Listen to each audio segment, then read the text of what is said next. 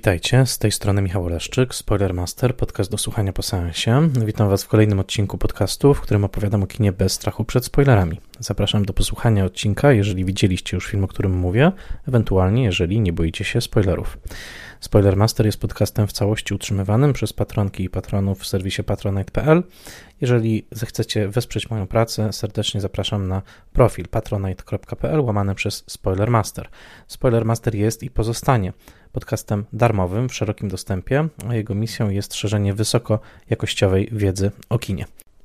Z całego serca dziękuję wszystkim, którzy wspierają podcast w serwisie Patronite, szczególnie moim patronkom i patronom imiennym, czyli Michałowi Hudolińskiemu ze strony Gotam w deszczu, Agnieszce Egeman, Odjemu Hendersonowi, Beacie Hołowni, Annie Jóźwiak, Jakubowi Kądzielskiemu, Tomaszowi Kopoczyńskiemu, Justynie Koronkiewicz, Bartkowi Przybyszewskiemu, autorowi bloga Liczne Rany Kłute, na którym przeczytać można o kinie, komiksie, internecie i telewizji, Konradowi Słoce, Mateuszowi Stępniowi, Jerzemu Zawadzkiemu i Tomaszowi Mączce, autorom podcastu Let's Mate Movies, prezentującego ciekawe analizy filmowe, blogowi Przygody Scenarzysty, prezentującego analizy scenariuszowe, a także Fundacji Wasowskich, dedykowanej ochronie spuścizny Jerzego Wasowskiego i wydającej książki Grzegorza Wasowskiego.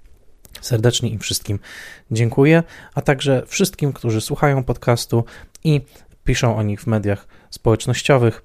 Bardzo doceniam. Każdy nowy słuchacz, słuchaczka jest na wagę złota. Cieszę się, że te odcinki trafiają do coraz większej ilości zainteresowanych kinem ludzi. Bardzo e, dziękuję także za wszystkie pozytywne sygnały po ostatnich odcinkach. E, bardzo dodają mi dużo energii do dalszej pracy i serdecznie zapraszam na kolejną dzisiejszą opowieść, tym razem o filmie dokumentalnym, filmie z roku 1990 pod tytułem Paris is Burning, dosłownie Paryż płonie. Jest to film w reżyserii Jenny Livingston, który bez żadnej przesady, można powiedzieć, zmienił oblicze nie tylko amerykańskiego kina dokumentalnego, ale w dużej mierze amerykańskiej kultury jako takiej. Wywarł ogromny wpływ na postrzeganie społeczności LGBTQ, na postrzeganie kategorii męskości i kobiecości, a także na wprowadzenie do mainstreamu pewnych do tej pory bardzo marginalnych zjawisk kulturowych, które obecnie w postaci przetworzonej komercyjnie możecie już oglądać na Netflixie w postaci takich e, show, e, seriali jak chociażby Pose czy RuPaul Drag Race. Chodzi mianowicie o kulturę dragu, o kulturę e, genderowej płynności ról płciowych i przede wszystkim o Nowy Jork lat 80. jako przestrzeń ogromnych napięć klasowych, a także pewnego społecznego eksperymentu, jakim były tak zwane domy, zakładane przez zakładane przez e, liderów e, lokalnych społeczności czarnych i latynoamerykańskich, które mm, stanowiły rodzaj alternatywnych rodzin dla swoich uczestników. O tym wszystkim powiem dzisiaj bardziej szczegółowo. Jak zwykle na początku podaję źródła, z których korzystałem w przygotowywaniu odcinka. Dodam też, że film Paris is Burning dosyć długo był dostępny na polskim Netflixie, już go tam nie ma, ale jeżeli wpiszecie tytuł na YouTubie, nie będę podawał dokładnie konkretnego adresu, ale znajdziecie ten film i bez problemu go obejrzycie, a jest także dostępny, do czego zachęcam, na legalnym Blu-rayu Criterion Collection, z którego swoją drogą korzystałem w przygotowywaniu tego odcinka. Korzystałem także z książki Lukasa Hilderbranda z serii Queer Film Classics pod tytułem Paris is Burning, a także z książki George'a Chauncey'ego pod tytułem Gay New York: Gender, Urban Culture and the Making of the Gay Male World 1890-1940, tak dokładnie się nazywa ta książka. I to były moje podstawowe źródła, oczywiście razem z anglojęzyczną Wikipedią, która zawsze jest pomocna. A zatem Paris is Burning. Paryż płonie. Tytuł sugerujący, że akcja filmu dzieje się w Paryżu jest e, zupełnie inaczej. Całość akcji dzieje się w Nowym Jorku i to przede wszystkim w jednej dzielnicy, a przynajmniej w jednej części Manhattanu, mianowicie w okolicach West Village. Co to za film, co to za historia, co to za Paryż? No, żeby mm, dobrze opowiedzieć to, w jaki sposób powstał ten film, który mm, został ukończony w roku 1990 i wtedy miał swoje pierwsze pokazy festiwalowe. W roku 1991 zdobył nagrodę na festiwalu Sundance, a 9 sierpnia roku 1991 wchodził już na ekrany w regularnej dystrybucji i okazał się hitem arthouse'owym. Trzeba tak naprawdę prześledzić kulturę LGBT, kulturę gejowską, kulturę alternatywną Nowego Jorku i to wcale nie tylko w wieku XX, ponieważ korzenie tego, co na ekranie widzimy, można już znaleźć spokojnie nawet w XIX-wiecznym Nowym Jorku. Ale o tym za chwilę. Zacznijmy od tego, co na ekranie widzimy i co sfilmowała reżyserka Jenny Livingston, o której także za chwilkę opowiem. Film stanowi prezentację mm, kultury balowej, ball, e, która kwitła w Nowym Jorku lat 80. Akcja filmu przynajmniej nominalnie, zaczyna się w roku 1987. Taki ekran, na ekranie pojawia się taki napis Nowy Jork 1987 na samym początku. W istocie Livingston pracowała nad tym filmem od 84-5 roku e, aż do momentu ukończenia w roku 90, a zatem trudno powiedzieć, który materiał dokładnie z którego roku pochodzi, ale tak, jest to druga połowa lat 80. w Nowym Jorku, w tym samym Nowym Jorku, w którym grasuje Yapi Patrick Bateman, którego znamy z filmu American Psycho. Odsyłam do odrębnego odcinka Spoilermastera. Otóż w tym samym Nowym Jorku, w którym maklerzy i brokerzy giełdowi zamawiają jak najbardziej wymyślne dania w coraz to bardziej wymyślnych restauracjach, parę ulic dalej, a czasami wręcz na tych samych ulicach, znajdują się bezdomni, biedni, często całkowicie wykluczeni ze swoich rodzin, nastolatkowie, młodzi ludzie ze społeczności czarnoskórej, latynoamerykańskiej, którzy szukają swojego miejsca, dla których okazało się, że tego miejsca nie ma w tradycyjnych rodzinach. Często z tych rodzin zostali wyrzuceni dosłownie na ulicę i którzy trudniąc się czasem prostytucją, czasem kradzieżą, a czasem e, po prostu mm, różnymi mm, pracami, głównie fizycznymi w Nowym Jorku, szukają przestrzeni dla siebie, szukają swojego miejsca. I takimi miejscami okazują się tak zwane domy. Domy, czyli houses, alternatywne społeczności, rodzaje komun, przede wszystkim jednak alternatywne rodziny, które nadają nawet swoim członkom te same nazwiska, aby podkreślić uspołecznienie i uwspólnienie pewnego losu. Otóż te domy y, są głównym tematem filmu Paris is Burning, a przede wszystkim celebracje, jakie odbywają się w tych domach, mianowicie bale. Bale kojarzone, wystarczy powiedzieć słowo bal i kojarzy nam się od razu świat arystokratyczny, świat zamożny, bale jako pewna prezentacja statusu i celebracja mm, przyjemności e, przynależenia do pewnej zamkniętej grupy, prawda? Na bal trzeba otrzymać zaproszenie. Otóż słowo bal w kontekście filmu Paris is Burning i w kontekście tych społeczności, które widzimy na ekranie, oznacza rodzaj wydarzenia, w trakcie którego uczestnicy mogą zaprezentować się na rodzaju wybiegu w trakcie tańca, który jednocześnie nawiązuje do prezentacji modowej, prezentacji stroju, jak najbardziej wymyślnego, jak najbardziej bogatego, chociaż czasem uszytego tak naprawdę z dosyć niedrogich tkanin, w trakcie których to prezentacji liczy się tylko i wyłącznie, i to jest kluczowe, osobowość prezentującego, osobowość tego, zazwyczaj mężczyzny, transgenderowego, chociaż to słowo wówczas jeszcze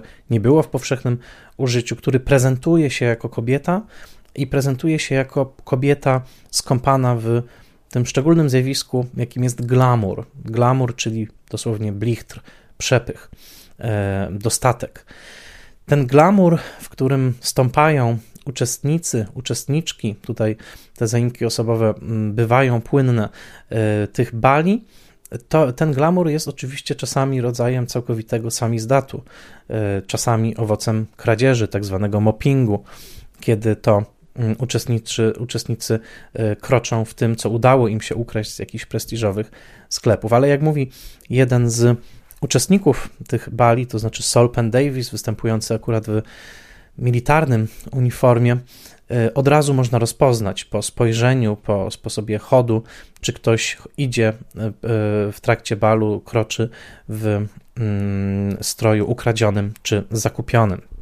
To także jest pewien rodzaj dystynkcji. Innymi słowy, to co obserwujemy i to co mm, reżyserka Jenny Livingston dokumentuje w tym filmie, to są po prostu kolejne bale, w trakcie których na tych 5 minut, zgodnie z Warholowską Mm, receptą 5 minut sławy. Przez 5 minut tego tańca, nazwanym, nazwanego voguingiem, o tym także za chwilę powiem, osoba może zaprezentować się w całej glorii e, takiego właśnie blichtru, makijażu, dragu, e, jaki, jaki wyrazi osobowość i przede wszystkim pozwoli uczestniczyć w pewnego rodzaju fantazji. Fantazji o sukcesie, fantazji o życiu w świecie luksusu, fantazji także, pamiętajmy, o miłości, o miłości, jaką e, gwiazda czerpie od swoich fanów. Koniec końców, każdy z występujących tu bohaterów, za chwilkę także o nich więcej powiem, przez tych 5 minut, kiedy kroczy w świetle reflektorów, kiedy każdy jego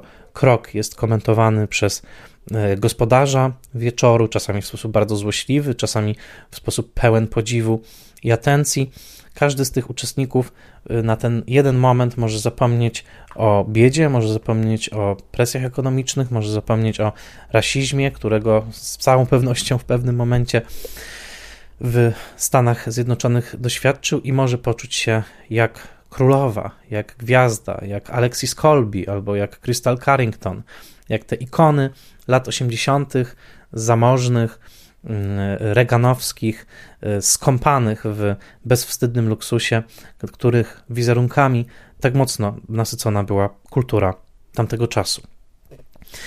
I to otrzymujemy w filmie Paris is Burning, filmie, który trwa około 78 minut, ale który został zmontowany z 75 godzin materiału nakręconego przez 5 lat, kawałeczek po kawałku, w trudnych warunkach i z ciągłym niedoborem pieniędzy albowiem nikt za bardzo nie chciał dać pieniędzy na film, który portretowałby tak marginalizowaną i dla mainstreamu rzekomo e, e, niemiłą e, społeczność, jaką właśnie byli ci młodzi homoseksualni, ale także transgenderowi młodzi ludzie angażujący się w działania tzw. Tak domów. Ale tak się złożyło, że temat trafił na upartą artystkę, która mm, dzięki której wizji, dzięki której upartości Paris is Burning jest jednym z najlepszych dokumentów w historii amerykańskiego kina, całkowicie zanurzającym nas w świat, w świat, który portretuje, nie poddającym go ocenie, pozwalającym nam docenić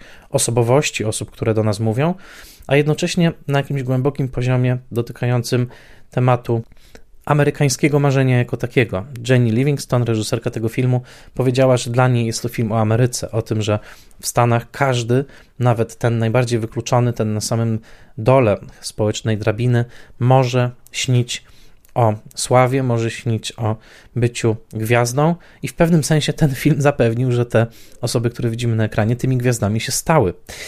E, o nich, jak wspomniałem, za chwilę. Film, e, który E, który e, zadecydował tak naprawdę o wejściu w mainstream właśnie tematu mm, dragu, był kontynuacją pewnej bardzo wątłej i nieobfitej linii dokumentu amerykańskiego skupionego właśnie na mniejszościach seksualnych i na alternatywnych społecznościach LGBT. Tych tytułów wcale nie jest tak wiele, kiedy spojrzymy na historię e, dokumentu amerykańskiego do roku 1990 E, bo rzeczywiście film Livingston okazał się przełomowy, to tytułów znajdziemy garstkę. Przede wszystkim można wspomnieć o filmie The Queen Franka Simona z roku 1968. Swoją drogą jest w całości dostępny na YouTubie z rosyjskimi napisami, ale cóż.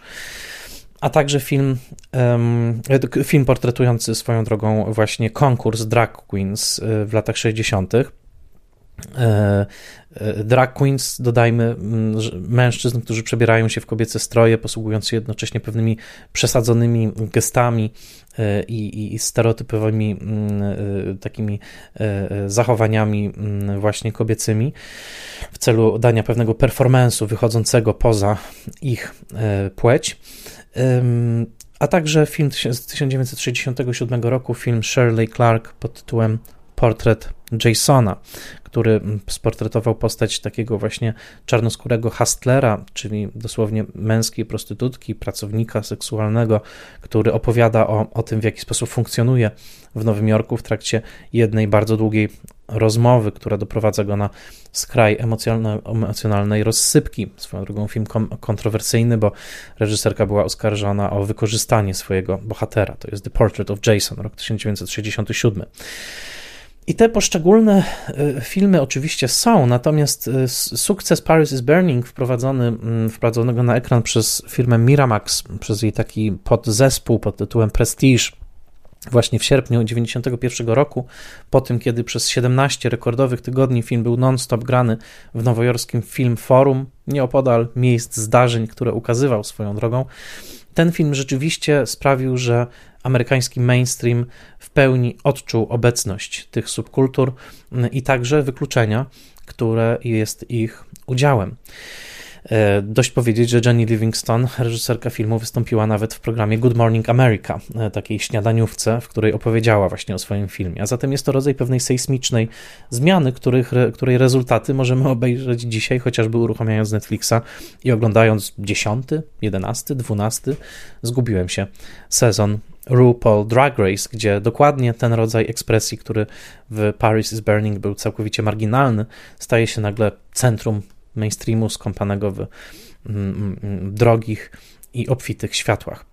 Ale wróćmy do Jenny Livingston. Kim była kobieta, która zainteresowała się tymi społecznościami i która nakręciła ów film? Jenny e, Livingston e, urodziła się w Dallas w Teksasie, ale wychowała się tak naprawdę w Los Angeles. Urodziła się w roku 62, a zatem w momencie, kiedy przystępowała do pracy nad filmem, miała około 23 lata. Studiowała w Yale przede wszystkim rysunek i grafikę, ale także zapisała się na kurs filmowy na Uniwersytecie Nowojorskim. To był rok 1984. E, była siostrzenicą Alana J. Pakuli. E, jest, znaczy Pakula oczywiście już nie żyje, reżyser filmu Klut, Wszyscy ludzie prezydenta i pochodziła z rodziny o artystycznych tradycjach. Rodziny żydowskiej, jej matka Myra Con Livingston pisała książki dla dzieci, jej ojciec Richard Livingston także okazjonalnie to robił. Jej brat był producentem muzycznym dla największych wytwórni muzycznych MCA, Geffen.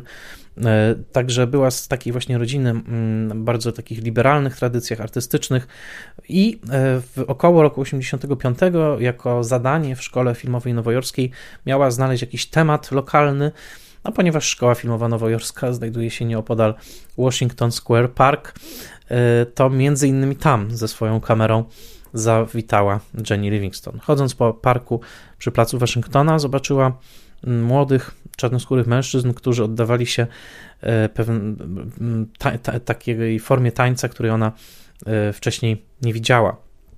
E, zapytała, co, co oni robią. Oni powiedzieli: Wołgujemy albo wołgingujemy.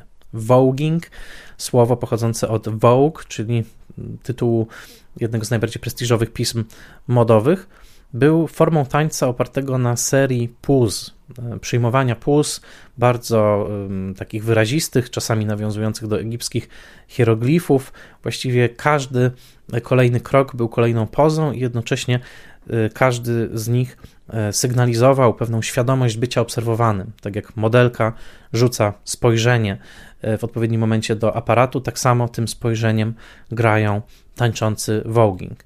I ci, ci mężczyźni powiedzieli, że jeżeli Jenny Livingston chce się dowiedzieć trochę więcej, może e, przyjść do mm, Gay and Lesbian Community Center e, w West Village na 13 ulicy, czyli bardzo niedaleko od Washington Square i może zobaczyć, jak wygląda bal. No i ona zgodziła się i zafascynował ją temat i zaczęła nagrywać rozmowy audio, zaczęła powoli filmować, zaczęła powoli e, ciułać i dziergać budżet tego filmu, co zajmie około 5 lat z rozmaitych źródeł publicznych i prywatnych. Udaje się to posklejać, e, włącznie z brytyjską telewizją BBC. E, I tak zaczęła się przygoda Jenny Livingston z tym filmem. Tak jak mówię, powstało 75 godzin materiału i wymagało ogromnej siły woli, żeby nie zrezygnować z tego projektu, w który no, finansujący nie za bardzo wierzyli ze względu właśnie na jego kontrowersyjność, marginalność grupy prezentowanej, no i na trwający kryzys AIDS, który e, sprawił, że społeczność LGBT była na wiele sposobów stygmatyzowana, co zresztą jest odzwierciedlone także w samym filmie. Zatem nie był to najbardziej przyjazny czas, żeby podejmować taki temat, i tutaj należy uchylić kapelusza przed Jenny Livingston, że to zrobiła kultura Bali, i tutaj dopowiem to, co zacząłem wcześniej, mianowicie to, co zobaczyła Jenny Livingston w postaci tych mężczyzn i tych Bali, na które uczęszczali, to już była pewna dojrzała forma e, właśnie takiej społecznej e, społecznej e, rozrywki, która dojrzewała przez wiele dekad. Mm, początki, początki Bali tak naprawdę sięgają końca wieku XIX, ale najbardziej rozwinęła się ta forma w latach dwudziestych, przede wszystkim w Harlemie nowojorskim, o czym obszernie pisze właśnie George Chauncey w książce którą przywołałem, mianowicie bale w Harlemie w latach dwudziestych były ogromnymi wydarzeniami, gdzie właśnie rozmaici, nieheteronormatywni e, mężczyźni prezentowali się jako kobiety e, i często przyjmowało to bardzo rozbuchaną, e, taką orgiastyczną niemal formę. I co ważne, było także atrakcją dla zamożnych, białych, którzy przybywali do Harlemu, żeby uczestniczyć w tych, w tych ekscytujących, trochę dla nich egzotycznych wydarzeniach. e, uczestniczyć na wiele, na wiele sposobów, także na sposoby seksualne. Natomiast była to, była to e, taka forma społeczna która nawet doczekała się wówczas opisywania w prasie amerykańskiej i to niekoniecznie w strasznie potępiający sposób, chociaż zdecydowanie w sposób egzotyzujący. To znaczy pisano o tym właśnie o takim przedziwnym wykwicie afroamerykańskiej kultury, gdzie granice płciowe zostają zatarte. I bale od tamtego czasu istniały, a z kolei voguing, czyli ten taniec, który widzimy w filmie, który połączył się z tą kulturą balową i który połączył się z kulturą owych domów, tak zwanych, y, o których też zaraz powiem, czyli tych konkretnych społeczności, konkretnych komun zakładanych przez konkretne osoby i następnie noszących ich nazwiska, jak La Beija, Extravaganza czy mm, wiele, wiele innych, Penn Davis, otóż voguing rozpoczyna się w latach 60. I tutaj pamiętajmy, tutaj jest to dosyć splątany rodowód, ale ja też nie jestem historykiem dragu, ale to, co rozumiem z tej całej historii i czym chcę się podzielić, to jest to, że oczywiście kultura dragu jest o wiele starsza i jakby mężczyźni w kobiecych strojach odgrywający mm, właśnie taką przesadzoną wersję kobiecości, no to, to nawet w Polsce możemy znaleźć Eugeniusza Bodo śpiewającego e, e, Sex Appeal to nasza broń kobieca, prawda, jeszcze w, między, w międzywojniu. E, także to jest troszeczkę jeden, jedna strona tego tematu. Natomiast pamiętajmy, że w latach 60., kiedy voguing zaczyna się rodzić, podstawową formą dragu, czyli podstawowym, podstawową wersją tego kobiecego przebrania, którą chętnie performerzy przyjmują, jest taka wersja mm, mm, tak zwanej tancerki z Las Vegas, to znaczy takiej e, showgirl dosłownie, w piórach, cekinach, sztucznych perłach, z takim właśnie przyklejonym uśmiechem, grubym makijażem, takiej właśnie jednej z 20, 30, 50 tańczących w jednym rzędzie i tańczących różne tańce inspirowane kankanem, między innymi właśnie chórzystki. I, i ty, to była podstawowa forma dragu w latach 60. I, i, i taką pozostałością, czy, czy właściwie no, łącznikiem z tym światem lat 60., tych bawich, strusich piór, e, jest Dorian Corey, który występuje w Paris is Burning, jest tym jednym z najstarszych uczestników E, już wówczas liczącym ponad 40 lat, który e, nakłada sobie bardzo gruby makijaż, e, robi sobie rzęsy i opowiada Jenny Livingston historię dragu. To jest Dorian Corey, on jest właśnie tym łącznikiem z tą przeszłością, taką bardziej glam, taką w wydaniu właśnie bardziej Las Vegas. Natomiast ten styl ulega później ulega później przemianom i zresztą sam Dorian Corey w filmie streszcza, na czym te przemiany polegały, że po tym stereotypie chórzystki z Las Vegas przychodzi czas na imitowanie białych, co ważne, gwiazd Hollywoodu, Marilyn Monroe, Marlene Dietrich, że to jest y, następny krok, a następnie, i to są właśnie lata 80., które widzimy, to jest naśladowanie przede wszystkim przede wszystkim modelek. I modelki stają się bohaterkami dla społeczności mm, voguingowej i to jest jakby ten dokładnie moment, kiedy my widzimy, który my widzimy w filmie, chociażby w jednej ze scen jeden z bohaterów wskazuje na Paulinę Poriskową, czyli właściwie czesko-amerykańską modelkę, która zrobiła ogromną ogromną karierę pod koniec lat 80., e, właśnie jako na swoją bohaterkę. Zatem ten moment, w którym my widzimy, właśnie ta kultura dragowo-wołgingowa przyjęła przede wszystkim oblicze modelingowe. E, I to jest dosyć istotne, bo modeling połączony właśnie z, takim, z taką celebracją bogactwa charakterystyczną dla Nowego Jorku lat 80., który właśnie ta kultura Wall Street, co widoczne jest i w filmie Wall Street Olivera Stone'a, i w Wilku z Wall Street Martina Scorsese'ego, i w American Psycho, które tutaj omawiamy, omawiałem. Otóż to staje się taka matryca właśnie takiego bezwstydnego luksusu, do którego dążą mm, e, wykluczeni bohaterowie Paris is Burning i dążą do niego przede wszystkim przez jego imitację, przez jego, e, przez jego takie wcielenie w samego w samego siebie. I te domy, właśnie jako społeczności pewne, e, przewodzone przez matki, czyli przez e, e, tych uczestników, którzy przyjmowali na siebie rolę takich właśnie, takich karmicielek, opiekunek, a jednocześnie liderek, one powstają w latach 70. I ta chronologia wygląda mniej więcej tak, że w 76 roku powstaje pierwszy dom, czyli House of LaBeija, którego matkę, to znaczy Pepper LaBeija, widzimy w filmie, chociaż ona podkreśla, że założycielką była Crystal LaBeija, która umarła w roku 1982 Następnie w roku 77 powstaje House of Christian, 78 House of Dupree, 82 House of Extravaganza, X, pisany przez X na początku, założony przez Hektora Extravaganza, swoją drogą pierwszy stricte latynoski dom. Mm, Hektor zmarł w roku 85, e, a zatem te, te poszczególne domy poznają i my poznajemy uczestników tych domów, ponieważ oni noszą nazwiska wzięte od nazw owych domów, a zatem widzimy właśnie w filmie Pepera LaBeija, widzimy mm, Kim, Kima i Frediego Pendavisów, którzy są z domów, z domu Pendavis. Mm, widzimy Doriana Korea, który jest tym starszym e, e, uczestnikiem, który nie przynależy do, do konkretnego domu, ale który występuje w filmie jako rodzaj takiego mat, mat, Matuzalema, który opowiada właśnie o tej historii, mm, historii dragu. Widzimy młodziutką i, i tragicznie zmarłą, co zresztą jest finałem filmu poniekąd, Wenus Extravaganza, właśnie z, z domu Extravaganza. E, to jest ta, ta najbardziej taka zwiewna, delikatnie zbudowana uczestniczka Bali, e, która urodziła się w New Jersey w rodzinie włosko-portorykańskiej. Widzimy Williego Ninja z domu Ninja, e, swoją drogą, który naj, najdłużej z nich wszystkich żył, o czym zaraz powiem. No i Angie Extravaganza, która informuje nas w wstrząsającym momencie właśnie o śmierci Wenus Extravaganzy, która została zamordowana mm, przez, przez najprawdopodobniej jednego z mężczyzn, z którymi, e, z którymi mm, mm, zbliżyła się. E, jej ciało znaleziono pod łóżkiem w jednym z nowojorskich mm, hoteli. I ci ludzie, których teraz wymieniłem, e, których poznajemy tylko i wyłącznie z tych nazwisk, które zostały przez nich przyjęte, właśnie w ramach tych alternatywnych rodzin, alternatywnych wspólnot. Większość z nich została wykluczona przez swoje własne rodziny, to o tym także pamiętajmy.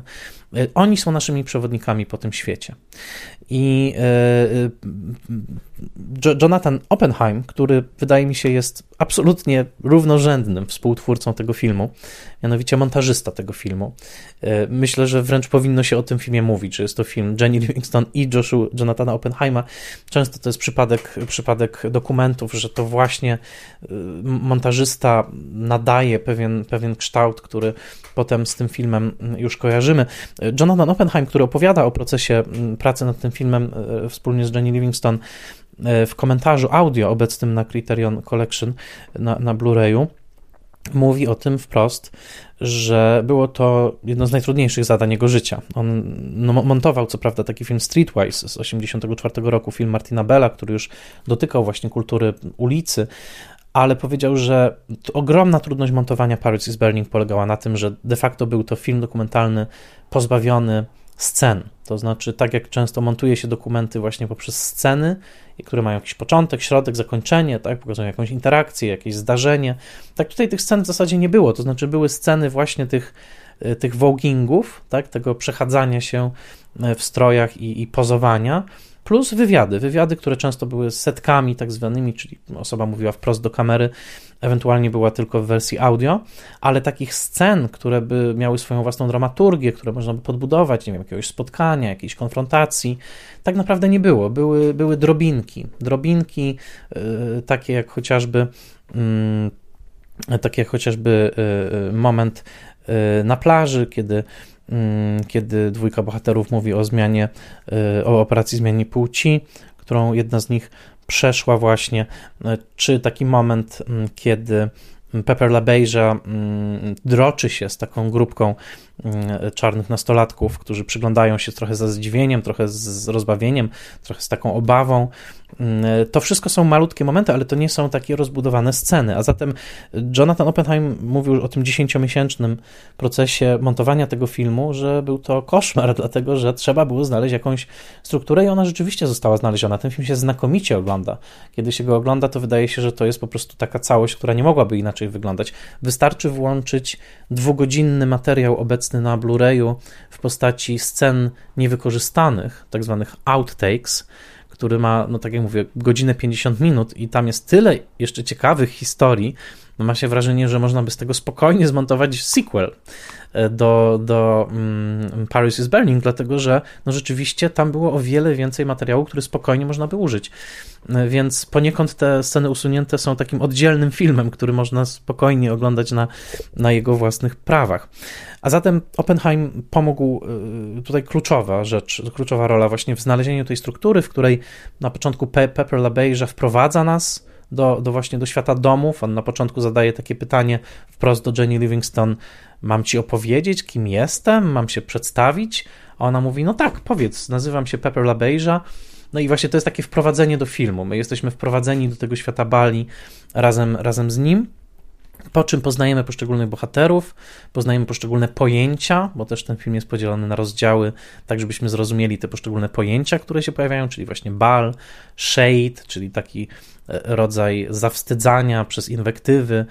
Reading to też taka forma, czy mopping, czyli właśnie kradzież, kradzież mm, odzieży i e, różnych akcesoriów.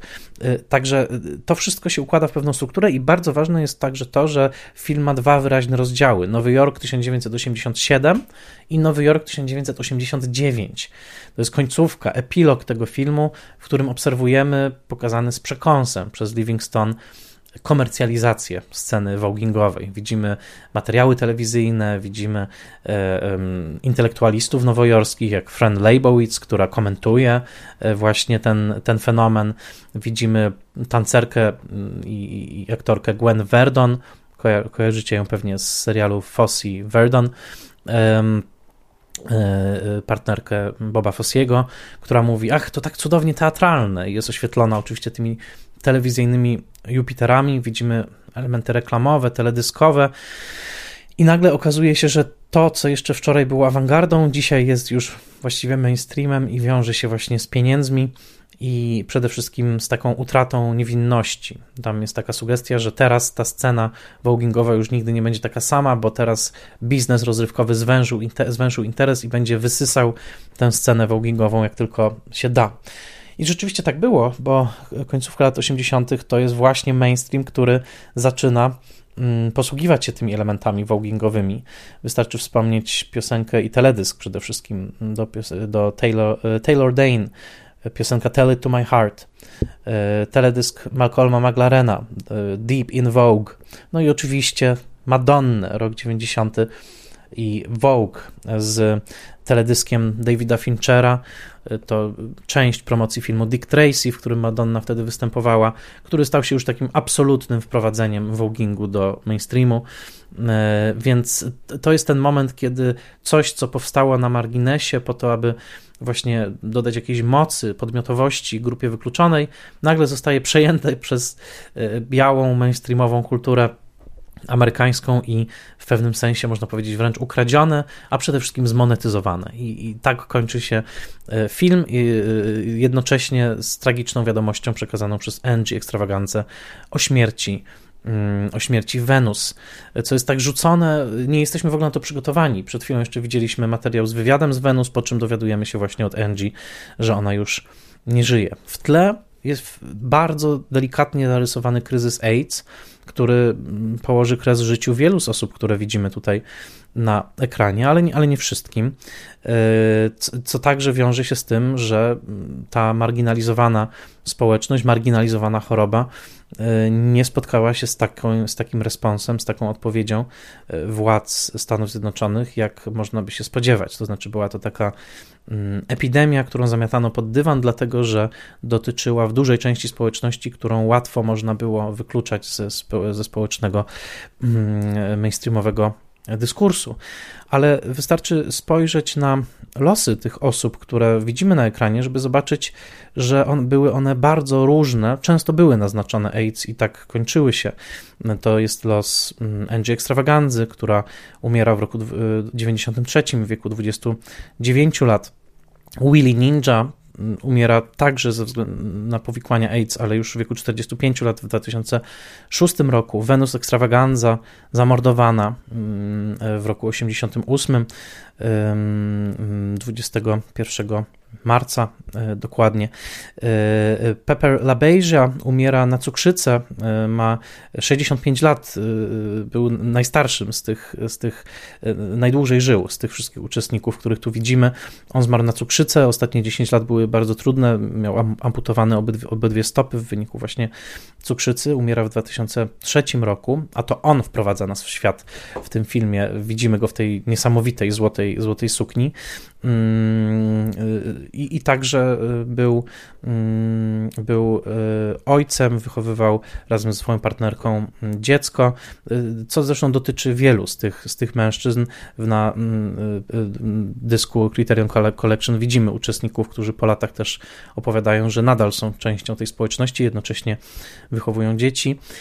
E, Dorian Corey, czyli ten właśnie Matuzalem, jak go, jak go nazwałem, e, bardzo interesująca postać, ale także okryta pewną aurą skandalu, dlatego że on zmarł w roku 93, miał 54 lata i w jego mieszkaniu odkryto zmumifikowane zwłoki, które leżały tam od 25 lat, które on zmumifikował.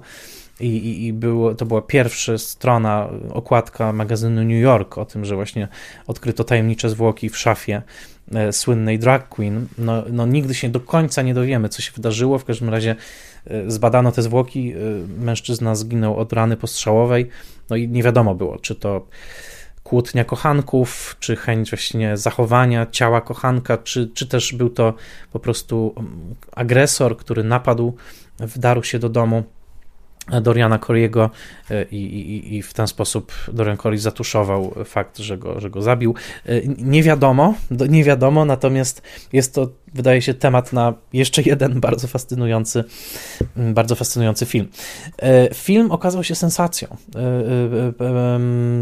Festiwal Sundance, nagroda jury znakomite recenzje, chociaż było też trochę krytyki związanej z tym, że oto właśnie, skąd my to znamy, biała, uprzywilejowana e, e, kobieta z dyplomem Yale e, robi karierę na wykluczonych. No Jenny Livingston była bardzo zaangażowana w kwestie działalności na rzecz tych społeczności. Sama zresztą jest lesbijką i, i tutaj trudno jej zarzucić jakąś taką, jakiś taki wyzysk po latach swoją drogą będzie producentką konsultującą właśnie serial e, stacji FX pod tytułem Pose, który można oglądać na polskim, na polskim Netflixie.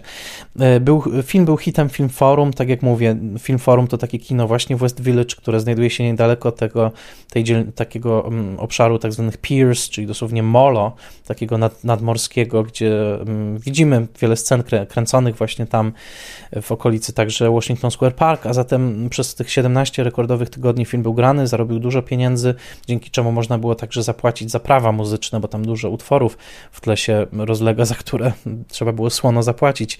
Sweet Dreams are made of this, Annie Lennox, Love Hangover, Diana Ross, Over the Rainbow śpiewany przez Patti LaBelle, czy przede wszystkim hit Love is the Message, MFSB, jeden z takich hitów disco, który dla społeczności voguingowej był bardzo, bardzo ważny. W pewnym momencie jedna z bohaterek śpiewa także piosenkę z serialu, z musicalu La Cage Fall, I am what I am. Jestem kim jestem, I am my own special creation. Jestem swoim własnym specjalnym stworzeniem. E, prąd elektryczny przeszedł kulturę amerykańską, kiedy ten film miał premierę. E, okazało się, że po pierwsze bohaterowie są sympatyczni, są pełni życia, są pełni osobowości, są niebywale ambitni, są pracowici. E, ten moment, w którym Kim Penn Davis szyje swój strój i mówi, że każdy bal sprawia, że chcę być lepszy, każdy bal sprawia, że jestem bardziej skupiony, że wiem, czego chcę, y, mam, mam, mam taką autodyscyplinę, żeby być jak najlepszym na tym balu. Mm, to jest taki przekaz w tym filmie, że y, nawet, że właśnie na tym, na tym dnie społecznej drabiny tlą się marzenia, które napędzają do działania. Jak sam Dorian Corey mówi, że gdyby gdyby ludzie zażywali mniej narkotyków, a chodzili na więcej bali, to żylibyśmy w lepszym społeczeństwie. Innymi słowy, bale są absolutnie czymś takim dobrym, e, bo ogniskują społeczność, dają ukojenie tym, którzy doświadczyli strasznej przemocy. Widzimy tam zresztą czułość pomiędzy tymi mężczyznami. Widzimy, że jest to takie, taka po prostu cicha przystań, taka wyspa, na której ludzi, e, ludzie doświadczeni przez los, doświadczeni przez ksenofobię, często swoich własnych rodzin, to też bardzo ważne, znajdują przyczółek, bezpieczeństwo dotyk i, i, i, i często e, także partnerów na, na resztę życia. Więc to wszystko jest tutaj pokazane, ten e, element społecznościowy, element genderowy. Film po latach ogląda się tak samo dobrze jak w dniu premiery. Pomógł także zbudować markę Miramaxu, który już rok później wprowadził na ekran inny film z motywem transseksualnym, to znaczy grę pozorów Nila Jordana, tym samym coraz bardziej wprowadzając właśnie w mainstream e, te tematy. A sama Jenny Livingston właściwie no, od tamtego czasu jest kojarzona przede wszystkim z tym filmem. E, kręciła też filmy krótkometrażowe, zrealizowała także film o, o żałobie za, za swoich bliskich, mm, które bardzo, bardzo chciałbym zobaczyć, ale którego nigdzie niestety nie udało mi się zlokalizować. Ten film nazywa się Earth Camp One, ale pozostała także aktywistką, chętnie wypowiada się i o historii tworzenia tego filmu, i w ogóle o kulturze queerowej. No, na pewno stworzyła film, który zmienił postrzeganie te, czegoś, co jeszcze w połowie lat 80. było kojarzone przede wszystkim z totalnym marginesem i, i, i, co nie było po prostu obecne na pełnych prawach, co było przede wszystkim wyśmiewane, bo jak spojrzymy na kino lat 80., to jest tam tak dużo krzywdzących stereotypów dotyczących właśnie mniejszości seksualnych, że ten film, który oddaje głos pełną godność tym osobom i, i przede wszystkim pokazuje, jak fantastyczni są to ludzie pełni życia, energii, którzy po prostu nie, nie poddają się, nie mówią, nie mówią życiu nie, tylko mówią życiu tak, mimo tego, że doświadczyli naprawdę ciężkich warunków, to w tym filmie po prostu tli się życie i, i po latach zawsze się go ogląda z przyjemnością, ja go widziałem kilka razy i, i ci bohaterowie są po prostu cudowni. Dają nadzieję, że nawet w najgorszych warunkach życiowych można wykrzesać odrobinkę energii, marzenia i znaleźć taką społeczność, taki świat, w którym człowiek akceptowany jest w 100% na swoich własnych prawach. Mam nadzieję, że film Wam się podobał. Jeżeli go nie widzieliście jeszcze, to polecam. Tak jak mówię, możecie go znaleźć albo na YouTubie, albo e, kupując Blu-ray Criterion Collection. I mam nadzieję także, że ten odcinek zainspiruje Was do lektury i do obejrzenia także innych klasyków, jak chociażby The Queen Franka Simona. Jest to bardzo interesujący świat i, warto też pamiętać o tym, jak oglądamy chociażby RuPaul Drag Race, e, który, tak jak mówię, jest już skąpany w takim blichtrze wielkich pieniędzy, że gdzieś należy oddać honor i sprawiedliwość tym nastolatkom, młodym ludziom z społeczności E, czarnoskórych latynoamerykań, e, latynoamerykańskiej, którzy w latach 80. po prostu nie poddali się i, i mimo, że znajdowali się nisko na społecznej drabinie, to, to śnili i marzyli. A film Livingston ma pewną ironiczną także pewien ironiczny wymiar, pokazując to, że tak naprawdę wszyscy jesteśmy w dragu, wszyscy się przebieramy. Jest tam takie ujęcie zamożnej nowojorskiej ulicy, gdzie widzimy właśnie Japis w tych swoich czerwonych szelkach, białej, białej koszuli, zamożne, białe amerykańskie pary, takich właśnie Japis, którzy dosłownie chyba wybierają mieszkanie i zastanawiają się, jakiego artystę umieścić na ścianie, jakie dzieło ich ostre makijaże, tapirowane włosy, mm, e, e, stroje, e, po, ponieważ ten obraz się pojawia w połowie filmu, to nagle przyjmujemy te ich stroje, te garnitury, te wymyślne mm, koszule jako rodzaj dragu. Po prostu tu jest drag za ciężkie pieniądze i drag, który jest uświęcony społecznym szacunkiem, a tam gdzieś w West Village jest drag rozgrywający się na marginesie, ale jedno i drugie jest to przebieranka. Przebierasz się za bogatego, bo jesteś bogaty, albo przebierasz się za bogatego, bo chcesz zamanifestować, że w tym społeczeństwie mm, nie masz szans dotrzeć do takich wyżyn tak małym wysiłkiem, jak robią to ludzie z pewnym kapitałem społecznego przywileju. A zatem można by powiedzieć tak, we are all in drag, y, y, a za Szekspirem cały świat jest sceną. Pozdrawiam Was bardzo serdecznie, dziękuję za słuchanie tego odcinka. Zachęcam do odwiedzenia mojego fanpage'a Spoilermaster Podcast do słuchania po seansie i do rozważenia wsparcia w Patronajcie. Bardzo Was pozdrawiam. Następny Spoilermaster już za tydzień.